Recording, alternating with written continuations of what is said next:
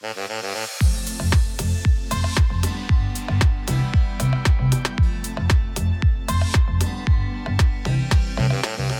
Добро пожаловать на подкаст «Касса здоровья». С вами я, Маргарита Купченкова, специалист по коммуникации от «Кассы здоровья».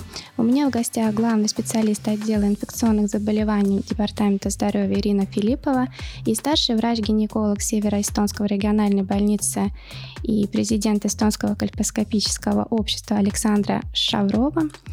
А наша тема сегодня о папилломе вируса – по статистике, лишь каждый второй человек слышал о ВПЧ, как многие его называют.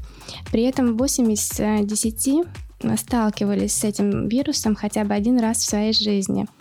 Это одна из самых распространенных инфекций, которая передается половым путем, но, к сожалению, о ВПЧ мало говорят. Для многих это тема табу из-за пути заболевания или заражения этим вирусом. Но сегодня мы поговорим не о том, что это половая инфекция, а о вирусе и тех видах рака, а, что он вызывает.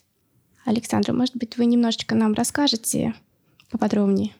80% людей хотя бы один раз было инфицировано вирусом папиллома человека в течение своей жизни. Чаще это происходит э, в молодом сексуально активном возрасте. Некоторые ученые утверждают, что процент распространения вируса среди населения намного выше и может достигать даже 100%. Заражение происходит даже при однократном половом акте, особенно без презерватива, и достигает 80%. Он очень контагиозный, и этим объясняется его как раз широкое распространение. Видимо, одна из причин, почему в обществе мало о нем говорится, это то, что инфицирование происходит половым путем. А это, в свою очередь, порождает стигму. У меня вирус папилломы человека, я заразилась во время половых отношений, поэтому мне неудобно, некомфортно говорить ни о вирусе, ни о его последствиях. Хотя это в корне неверно. Ведь вирус папиллома человека очень распространен, а после заражения человек может от него освободиться. Я бы предложила относиться к вирусу папиллома человека как к вирусу гриппа – тоже очень распространен. Могут быть последствия, осложнения, но при этом пациенты освобождаются от вируса. Видов вируса папиллома человека более 200. Не все из них врачи диагностируют, потому как большая часть из них не представляет никакой угрозы для нашего организма. Нас интересуют онкогенные виды ВПЧ – причем некоторые из них обладают низкоонкогенным риском и приводят к образованию кандилом или бородавок половых органов, а другие штаммы ВПЧ являются высокоонкогенными и могут привести к развитию таких серьезных заболеваний, как предраковое состояние шейки матки или рак шейки матки, рак прямой кишки, ротоглотки, рак полового члена у мужчин то у меня сразу начинает возникать вопрос. Вот, вот предположим, да, что вы узнали, что вы инфицированы. Что вот дальше делать? Если взять группу людей, которые на сегодняшний день инфицированы вирусом папиллома человека, и принять их за 100%, то у 90% этих людей вирус самостоятельно исчезнет из организма по истечению 6-12 месяцев до 2 лет. То есть э, представим себе, что вы пришли к гинекологу, вас обследовали, выявили вирус папилломы человека. У вас есть 90% вероятности того, что при повторном обследовании через год этот вирус у вас просто не обнаружат.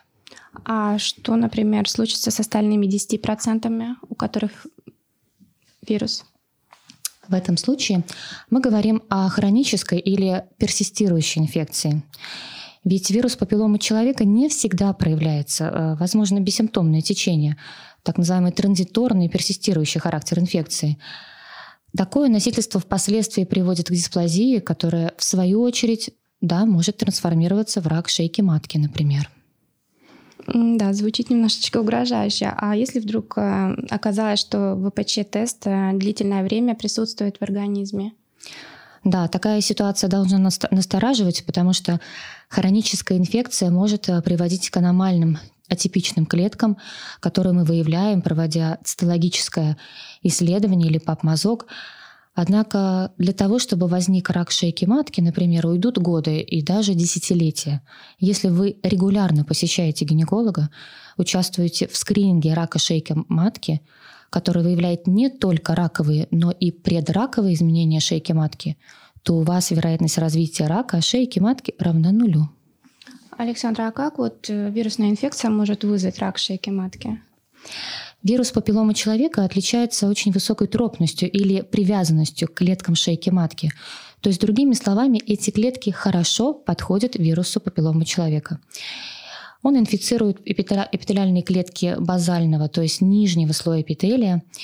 А как происходит его попадание туда? Через микроповреждения тканей. Повреждение может быть и механическим, и бактериальным, когда глубина повреждений достигает базального слоя эпителия. Вирусы инфицируют делящиеся незрелые клетки эпителия. Далее вирусная ДНК включается в ядерный материал клетки человека, и теперь вирус контролирует синтез ранних онкогенных белков, что приводит к развитию дисплазии шейки матки. Интересно, что при хронической инфекции возможен отрицательный тест на ВПЧ. Вы могли заразиться, но вирус находится в латентной фазе, неактивный и не улавливается тестом. Позже стрессовый фактор может стать, например, спусковым механизмом, когда вирус из латентной фазы перейдет в активную. Ну, а что, например, я могу да, сделать, чтобы вылечиться от ВПЧ? К сожалению, лекарства от вируса папилломы человека не существует. Но в большинстве случаев инфекция проходит самопроизвольно в течение какого-то времени, как правило, в течение пары лет. В доказательной медицине на сегодняшний день лечения от вируса папилломы человека нет. В случае вируса папилломы человека, как и со многими другими вирусами, учитывая высокую вероятность заражения в течение жизни, самое правильное решение – это профилактика вируса папилломы человека. А что, например, в себя включает профилактика? Защитить, например, там презерватив от э, инфекции, от инфекции этой, скажем так? Использование презерватива снизит риск заражения, но, к сожалению, не даст стопроцентной защиты. Презервативы обеспечивают лишь ограниченную защиту, около 70%, поскольку вирус папилломы человека может инфицировать всю область гениталий. А, разные половые виды э, контактов э, могут э, способствовать заражению. Чем меньше количество половых партнеров, тем безопаснее. И следует избегать стресса, хороший сон, витамины, не курить, одним словом, вести здоровый образ жизни, что поддерживает иммунную систему человека, а она играет ключевую роль в элиминации вируса из организма. Если вы не начали половую жизнь, то разумно себя защитить от рака, вызываемого вирусом папилломы человека, с помощью вакцинации. Вакцина сегодня может защитить от типов вирусом папилломы человека, которые вызывают большинство видов рака, вызванных ВПЧ. А, а допустим, если у меня уже обнаружен да, ВПЧ, могу ли я пройти вакцинацию? Однозначно можете. Конечно, желательно, чтобы вакцинирование проводилось в возрасте от 9 до 14 лет и до первого полового контакта. В этом возрасте достаточно двух доз вакцины. Но если заражение вирусом папилломы человеком уже произошло, вакцинация может э, защитить от типа ФПЧ, которым человек еще не заражен. Есть группы риска, которым показана вакцинация несмотря на возраст. Например, при иммунодефиците, при уже проведенном лечении шейки матки по поводу дисплазии доказано, что у последних пациентов число рецидивов меньше, если они были также вакцинированы. Причем FDA или Управление по санитарному надзору за качеством пищевых продуктов и медикаментов США одобрило использование вакцины как для женщин, так и для мужчин для профилактики не только рака шейки матки, но и рака ротоглотки. А правильно я понимаю, что ВПЧ вызывает не только рак шейки матки? В Эстонии мы чаще говорим о раке шейки матки, потому что каждый год мы диагностируем 150-160 новых случаев. Это очень много для такого немногочисленного населения. По частоте заболеваемости мы занимаем одно из первых мест. Это очень грустная статистика, учитывая, что часто у нас диагностируется рак в далеко зашедшей стадии. В мире по числу заболевших рак ротовой полости и гортани уже обошел рак шейки матки. У нас тоже наблюдается такая тенденция роста заболеваемости, больше среди заболевших молодых мужчин. Растет и заболеваемость рака анального канала и заднего прохода. Если этот вид рака часто встречается среди гомосексуальных мужчин, что вызвано путем заражения ВПЧ при анальном сексе, то интересен тот факт, что среди женщин заболеваемость раком анального канала значительно выше, чем у мужчин. И очевидно, что эту статистику мы не можем объяснить, предположив, что женщина а, чаще предпочитает анальный секс. Причина кроется, возможно, в том, что вирус живет в слизистой, в том числе в слизистой влагалище. И, естественно, учитывая женскую анатомию, вирус секретом может попадать э, и в анус. Так у женщин в два раза чаще диагностируется рак кан- анального канала, чем у мужчин. И частота заболеваемости в ближайшее десятилетие будет расти.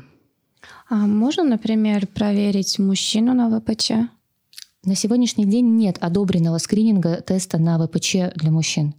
Если половым партнером мужчины является другой мужчина, то цитологический мазок сануса может помочь в раннем выявлении предраковых и раковых изменений анального канала. Ведь э, в этой группе мужчин риск рака анального канала, вызванного ВПЧ, высок. Если вы вступаете в отношения с мужчиной, и он использует презерватив, то вы уменьшите риск заражения на 70%. Как показывают исследования, мужчины быстрее освобождаются от вируса папилломы человека, чем женщины. Александр, вы так много рассказали, и мне аж не по себе становится. Что вот, я так понимаю, Ирина, вы можете рассказать, вот э, какие вакцины используются да, да, для вот этого чтобы ну, как бы не заразиться да, этим вирусом. Что, что вы можете на эту тему рассказать? Э, прежде всего я хочу сказать, что вакцина против вируса папиллома человека отличается от многих других вакцин. И вот чем. Если мы посмотрим, как создаются вакцины, то процесс примерно такой.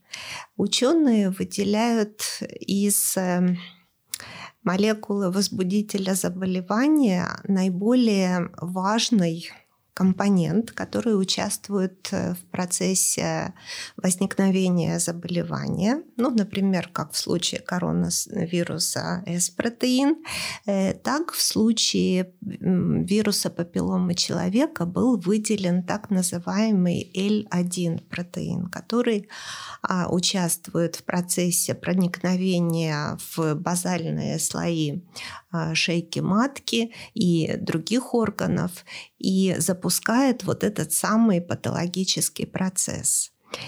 И ученые э, создали точную копию этого L1 э, протеина.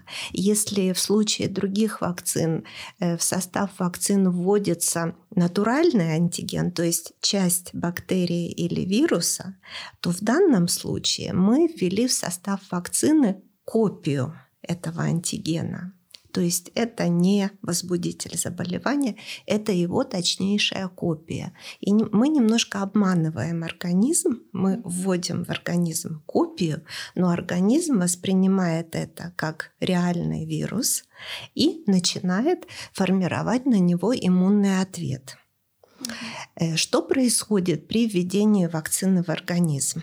Мы делаем внутримышечную инъекцию, э, антиген в виде точной копии L1 белка попадает в организм, и организм сразу же пытается от него избавиться всеми способами. И этих способов два. Во-первых, организм сразу посылает вместо введения вакцины специальные клетки, макрофаги, лимфоциты, которые стараются этот вирус сразу уничтожить и вывести из организма. Но это не удается на 100%. То есть это получается какое-то отторжение, да, начинается? Э, да, организм реагирует на все чужеродное сразу тем, что он пытается его уничтожить. Но вакцинный антиген не так-то просто уничтожить, потому что в состав вакцины входит такое вещество, которое называется адъювант.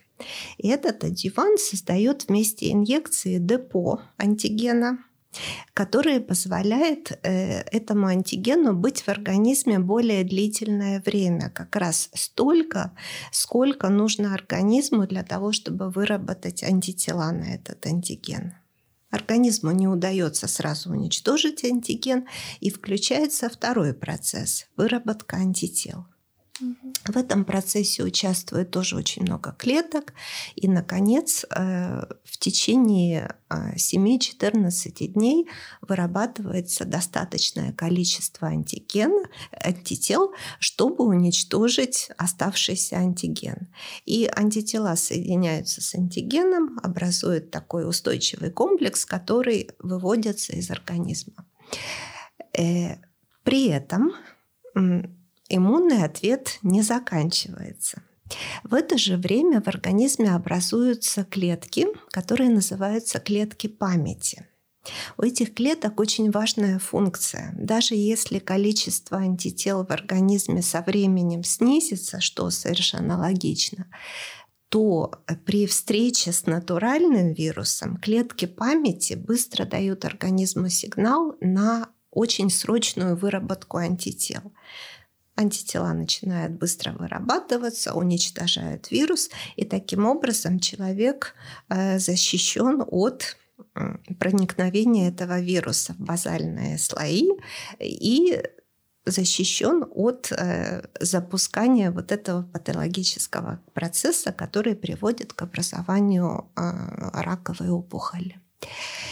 И поэтому вакцины против вируса папилломы человека являются очень эффективными благодаря такому вот э, оригинально построенному антигену и адюванту, который присутствует в вакцине. Э, в Эстонии э, существует э, в использовании три типа вакцин, ну, как, как, впрочем, и во всем мире. Это бивалентные вакцины, которые защищают человека от двух типов вируса, самых злых. э, высокой степени риска, которые вызывают более 90% рака шейки матки. Это э, типы номер 16 и 18. Все типы папилломавирусов пронумерованы, потому что, как Александра сказала, их больше 200, mm-hmm. и поэтому логично было их просто пронумеровать. Вот эти вот 16 и 18 самые такие злые типы да? вирусы, и они были включены в состав бивалентной вакцины. Но это не значит, что бивалентная вакцина не защищает от других типов вирусов. Э, поскольку все папилломовирусы, они родственники близкие, то существует так называемый перекрестный иммунитет. То есть э, бивалентная вакцина защищает также и от некоторых других типов вируса опасных 31, 33, 52, 45. И э, степень этой защиты, конечно, меньше, чем э, защита от 16-18. Э, эта защита составляет более 92%. А от других типов вируса степень защиты в зависимости от вируса и вида патологии составляет от 27 э, до 87%. Но все-таки эта защита есть. Следующая вакцина, которая была создана, это четырехвалентная вакцина.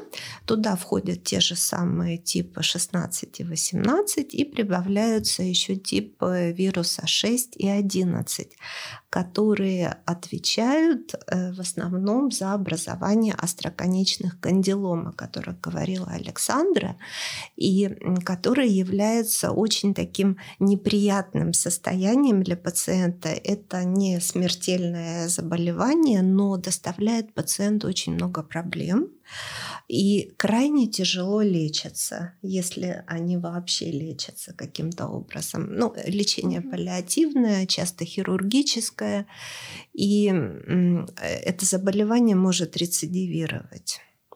И, к сожалению, э, в Европе, в Эстонии очень высокий процент э, людей, которые э, имеют эти остроконечные кандиломы. И поэтому вот эта четырехвалентная вакцина, она предотвращает еще и вот эти проблемы.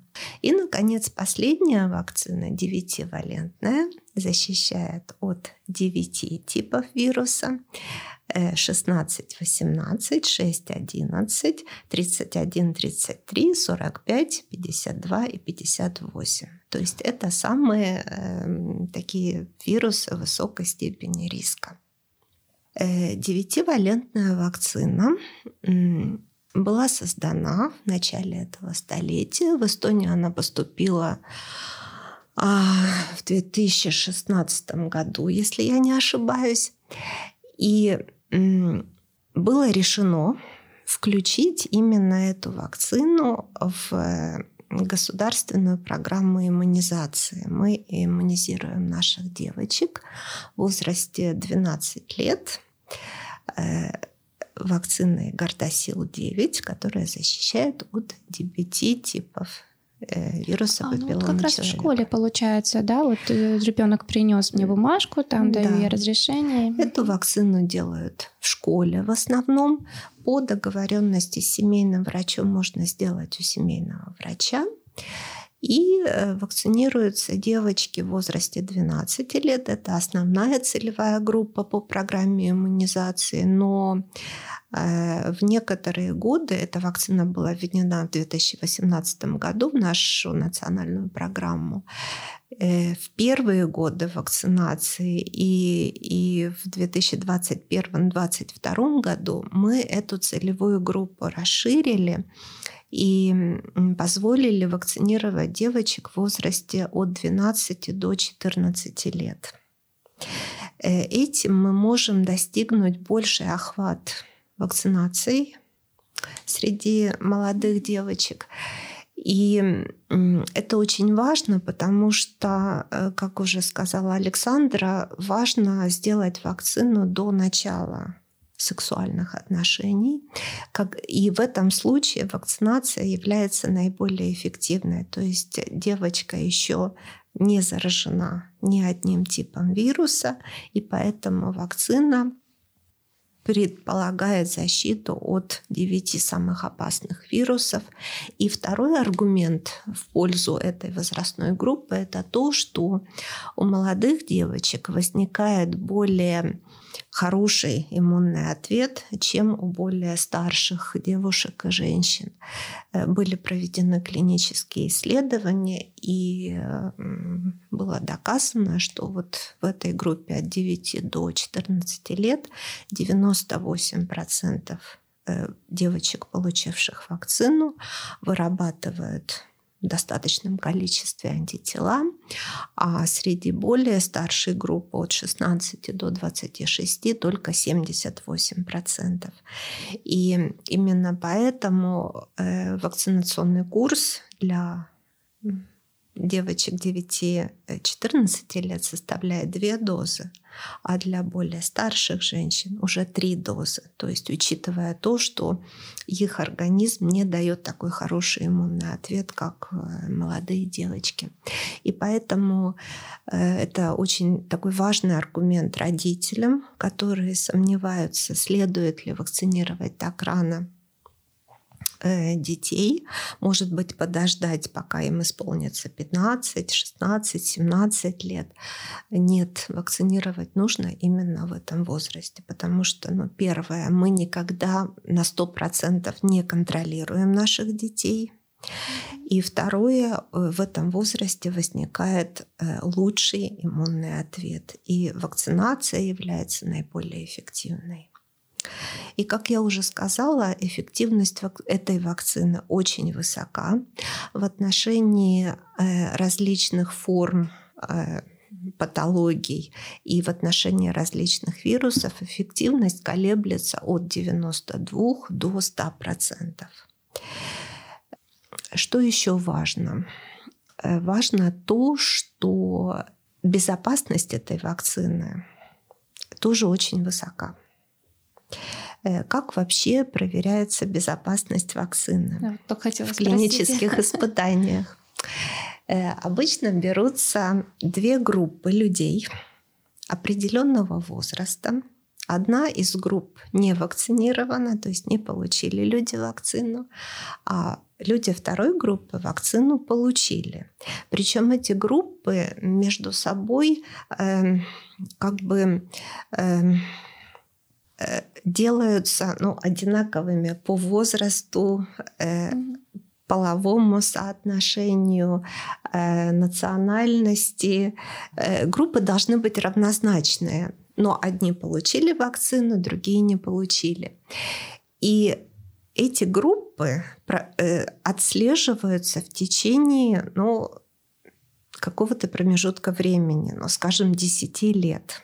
О, Некоторые себе клинические да, исследования длятся очень долго. И, кстати, в отношении вакцины против вируса папилломы человека, во-первых, эти группы были очень большие. Это очень важное преимущество клинического исследования.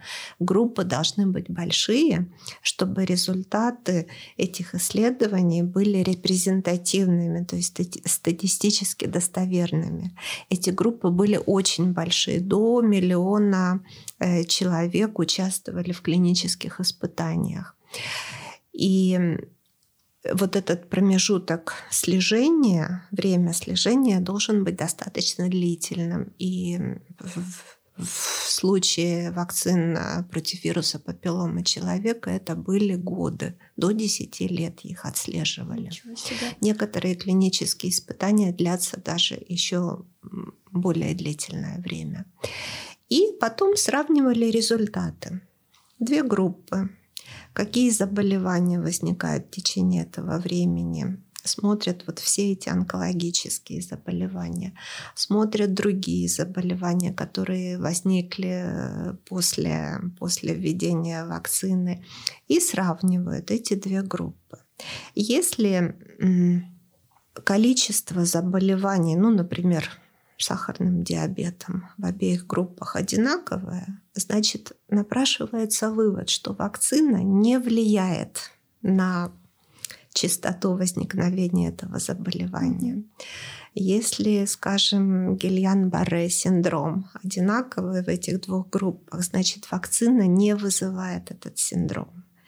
И потом смотрят онкологические заболевания, о которых говорила Александра. И было ясно показано, что в группе вакцинированных онкологические заболевания практически не возникают, их возникает очень мало, а в группе невакцинированных людей их возникает гораздо больше. Значит, вакцина является эффективной для предотвращения этих заболеваний.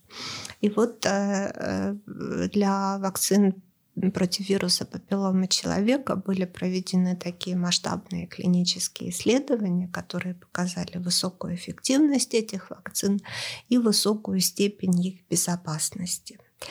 В результате введения вакцины возникают наиболее часто такие побочные эффекты, как э, местные реакции, то есть припухлость, э, а, болезненность, покраснение в месте укола, которая через некоторое время проходит. Может быть кратковременное повышение температуры. Температура, кстати, иногда может быть высокая, но это у меньшего числа вакцинированных. Это примерно один случай из 65, когда у человека возникает э, высокая температура. Головная боль, боль в мышцах, недомогание, может быть сонливость. Вот эти вот э, симптомы. Ну, это, в принципе, как после любой вакцины, да, правильно? Да, эти симптомы схожи с симптомами, которые возникают против других вакцин. Э, то, что возникает местная реакция, я уже сказала, что вакцина имеет адювант, который создает депо вместе инъекции, поэтому там может возникнуть такой даже небольшой ну, абсцессик, я бы сказала, потому что это депо, оно привлекает элементы воспаления, организм активно посылает туда макрофаги, лимфоциты, и это место, естественно, э, отекает, mm краснеет, то есть видно, что там происходит некая борьба. mm Это нормальная реакция организма на введение вакцины, и поэтому э, этого пугаться не нужно. Если же у человека возникают какие-то необычные симптомы, тяжелые симптомы, например, температура длится больше трех дней высокая, э, или человеку очень плохо, какие-то возникают, может быть, аллергические реакции, конечно, в этом случае обязательно нужно сразу же обратиться за врачебной помощью позвонить своему семейному врачу или же в каких-то более тяжелых случаях вызвать скорую помощь, чтобы, чтобы получить помощь. Э, если человек пришел на вакцинацию, ну, мы сейчас говорим о молодых девочках, mm-hmm. которые вакцинируются в основном в школе, то э, нужно помнить о том, что э, после вакцинации никогда не нужно сразу же уходить. Э, от э, медицинского кабинета, э, лучше посидеть, подождать минут 15 рядом с дверью, э, чтобы убедиться, что не возникли какие-то аллергические реакции на, на инъекцию или, может быть, даже возникнуть анафилактическая реакция тяжелая, которая требует немедленной помощи чтобы медицинский кабинет был в доступности, чтобы можно было человеку оказать помощь сразу. Это совет всем абсолютно людям, которые идут на вакцинацию. Никогда сразу не уходите с места вакцинации. 15 минут — это то время, которое покажет, Реакция. Есть какая-то реакция или нет, как правило, они возникают сразу. И э, второе такое наблюдение в отношении молодых девочек это то, что э, некоторые из них имеют тенденцию падать в обморок при виде шприца. Это моя иголки. дочь. И поэтому это нужно всегда учитывать. Если э, у человека есть такая особенность, то об этом надо сказать вакцинатору, и тогда вас положат да, или посадят, да, чтобы э, ты не упал и не получил травму да, да, при конечно. этом. Э, это очень важно.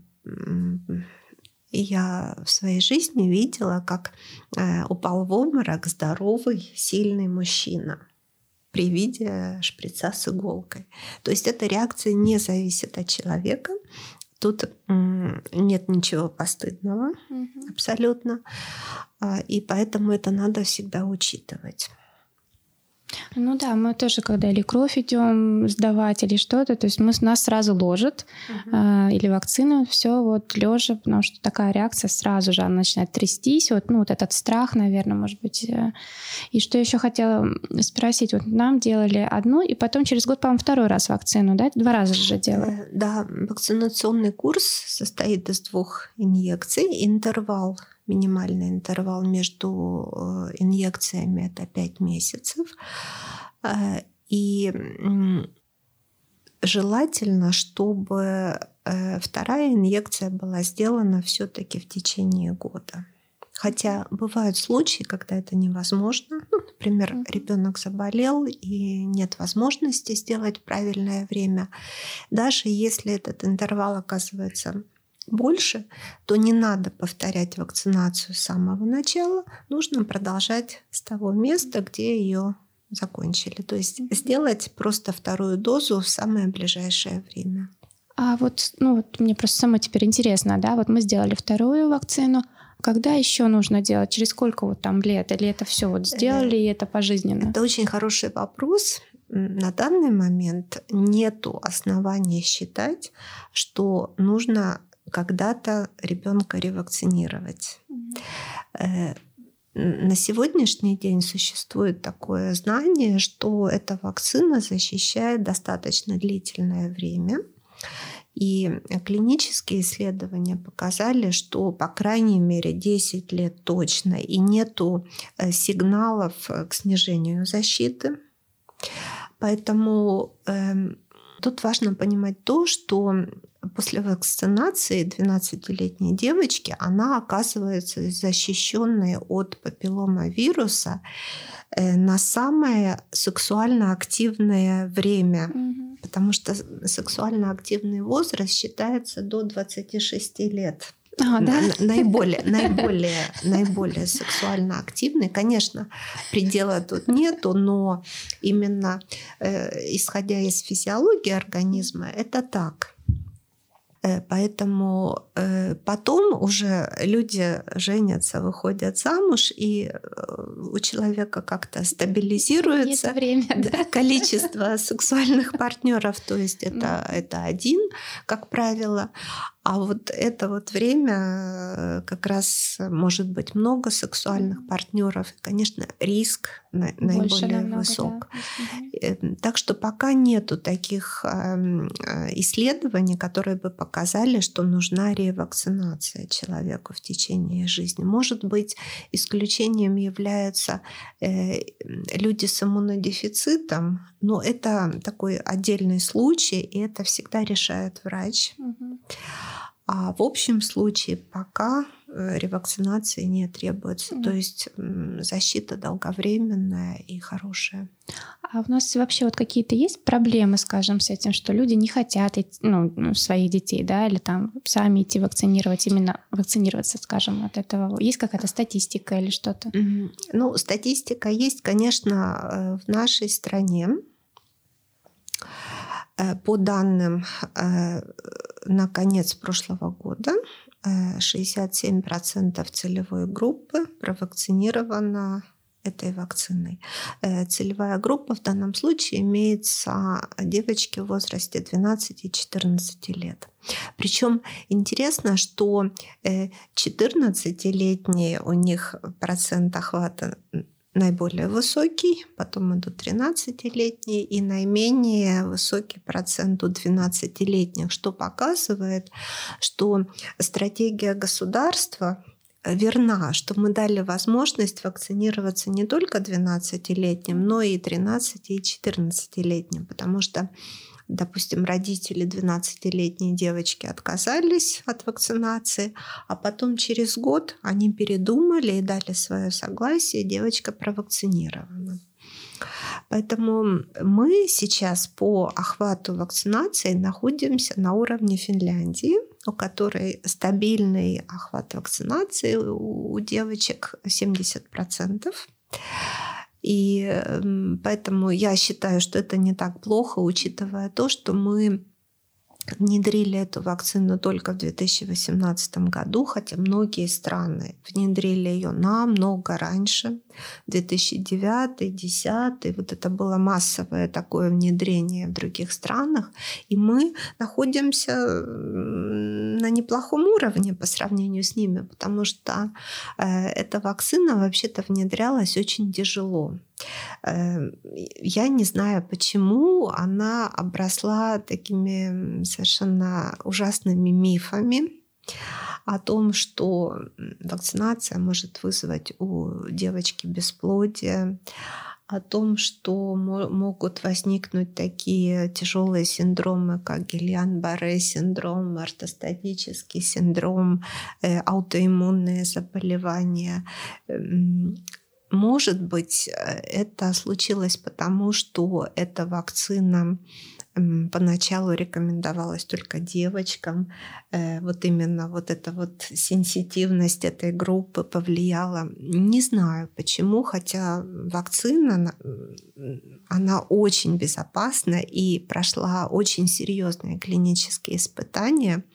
Другие вакцины э, тоже испытывались очень тщательно, но здесь вот эта вот группа испытуемых была очень велика. Ну да, рассказывать, почти думаю, миллион, себе. почти угу. миллион участников клинических испытаний. Я не знаю другой вакцины, где была бы такая группа. И, например, вот в Австралии там внедрили эту вакцину в 2013 году, и э, сразу же в медиа появились статьи о том, что у вакцинированных девочек возникают какие-то боли э, в конечностях, Парезы. И э, были волнения в народе настолько велики, что правительство вынуждено было приостановить Ничего вакцинацию в рамках иммунизационной программы и а, э, провести дополнительные исследования. Там уже подключилась Всемирная организация здравоохранения, и было доказано, что возникшие э, синдромы, они не связаны с вакцинацией, и потом Япония возобновила вакцинацию вакцинацию девочек. Сейчас все нормально. И такие же волнения, я знаю, были в Дании, в э, Англии и в других странах, вот именно в отношении этой вакцины. Поэтому э, я очень переживала, когда мы внедряли эту вакцину, но внедрение прошло достаточно спокойно. Э, было несколько обращений антивакцинаторов, которые ну, требовали изъять эту вакцину из иммунизационной программы, но на что э, Министерство социальных дел отреагировало сразу и жестко. Э, было несколько случаев, когда э, в школах создавались такие группы родителей или детей, которые как бы были против вакцинации и которые влияли на решение других детей. Ну, школа, да, э, дети это такое. И, и это была тоже неприятная ситуация, пришлось немножко вмешаться. Эм, да, это, эта вакцинация это является немножко такой сенситивной в том смысле, что проводится она в школе, девочки все общаются друг с другом. И если, например, в какие-то лидеры в классе, которые всегда есть. Mm-hmm. В каждом классе есть какие-то лидеры. Если они имеют какое-то особое мнение на этот счет, скажем, что эта вакцинация не нужна, то другие девочки просто боятся э, пойти в медицинский кабинет и сделать эту вакцину, чтобы не стать э, посмешищем в классе. И для этого предусмотрена возможность вакцинации у семейного врача, когда девочка может прийти одна или со своей мамой приватно сделать вакцину, и никто об этом не узнает. В принципе, это э, приватная, конфиденциальная информация, и это никто не должен это знать. Угу.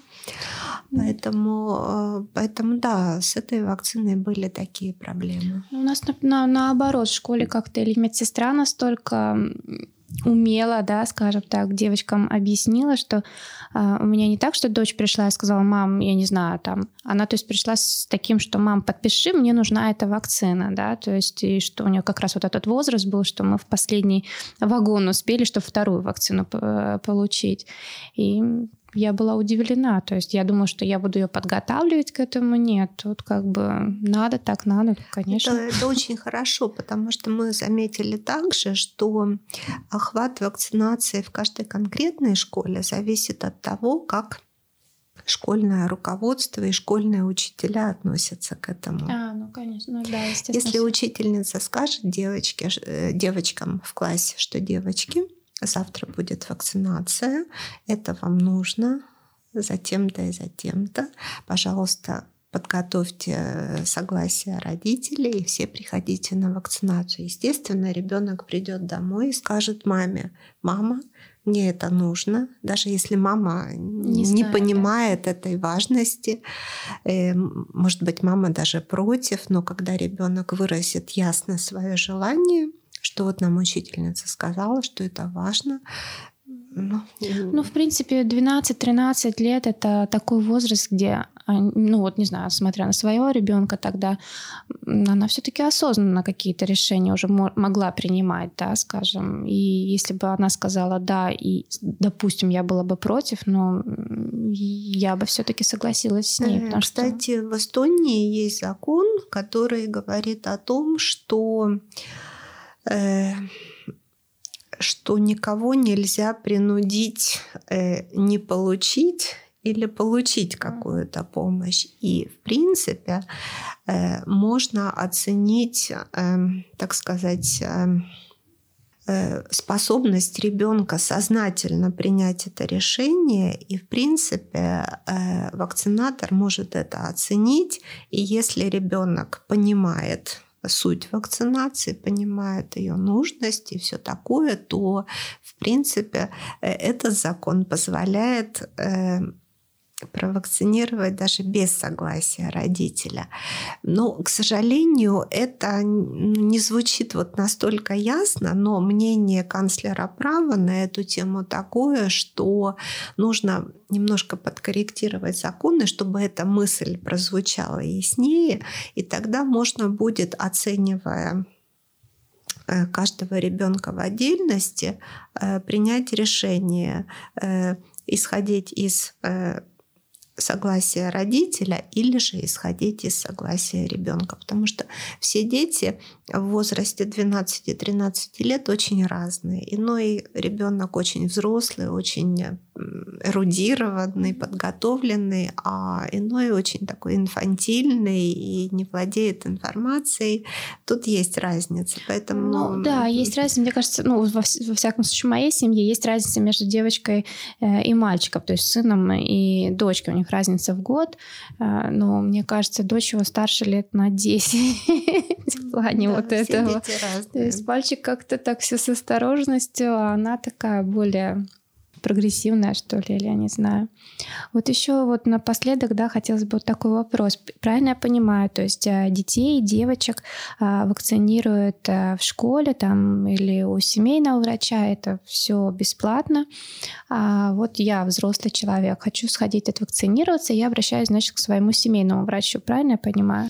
А, вы можете обратиться к семейному врачу, а можете проконсультироваться со своим гинекологом, например. А. Можете проконсультироваться с врачом-инфекционистом. Но ну, мне кажется, что врач-гинеколог – это вот в данном случае ваш лучший совет, советчик на эту тему. В каждой консультации, женской консультации можно получить вакцину. А, то есть даже не обязательно к семейному? В порядке, то есть... в порядке живой очереди, да. Или если это, может быть, кабинеты вакцинации в каких-то клиниках. Вот я даже не знала вот этого момента. Э, тут надо, наверное, исходить. И почему я говорю, что гинеколог самый лучший советчик в этой области, потому что ну, вы ходите на прием к гинекологу, гинеколог вас обследует на наличие вируса папиллома человека. И если у вас уже присутствует в организме весь этот набор вирусов, может быть, исход... маловероятно, я думаю, что весь набор конечно, присутствует. Да, э, это действительно маловероятно. То есть э, присутствие вируса в организме не противопоказание к вакцинации. И Александра сказала уже, что если вы уже вакци... Э, заражены каким-то вирусом, то вакцина вас убережет от других типов вирусов. То есть тогда вакцину делают все равно вот эту девятую или э, это на ваш выбор, но видите, поскольку э, девятивалентная вакцина предлагает более широкую защиту, то, конечно, может быть целесообразно сделать эту, эту вакцину. И Всемирная организация здравоохранения советует э, женщинам до 26 лет вакцинироваться, хотя могут вакцинироваться и более старшие женщины, и вакцина будет эффективна и в этом случае, но, конечно, менее эффективна, чем э, вакцинация молодых девочек. Ясно. Спасибо большое вам. Очень было интересно. Даже я вот для себя какие-то вещи новые узнала насчет вот девочек, да, как, как, как что, и насчет того, что можно и у гинеколога эту вакцину. Я почему-то была уверена, что это семейный врач только делает. Спасибо вам большое. До свидания. Спасибо. До свидания. До свидания.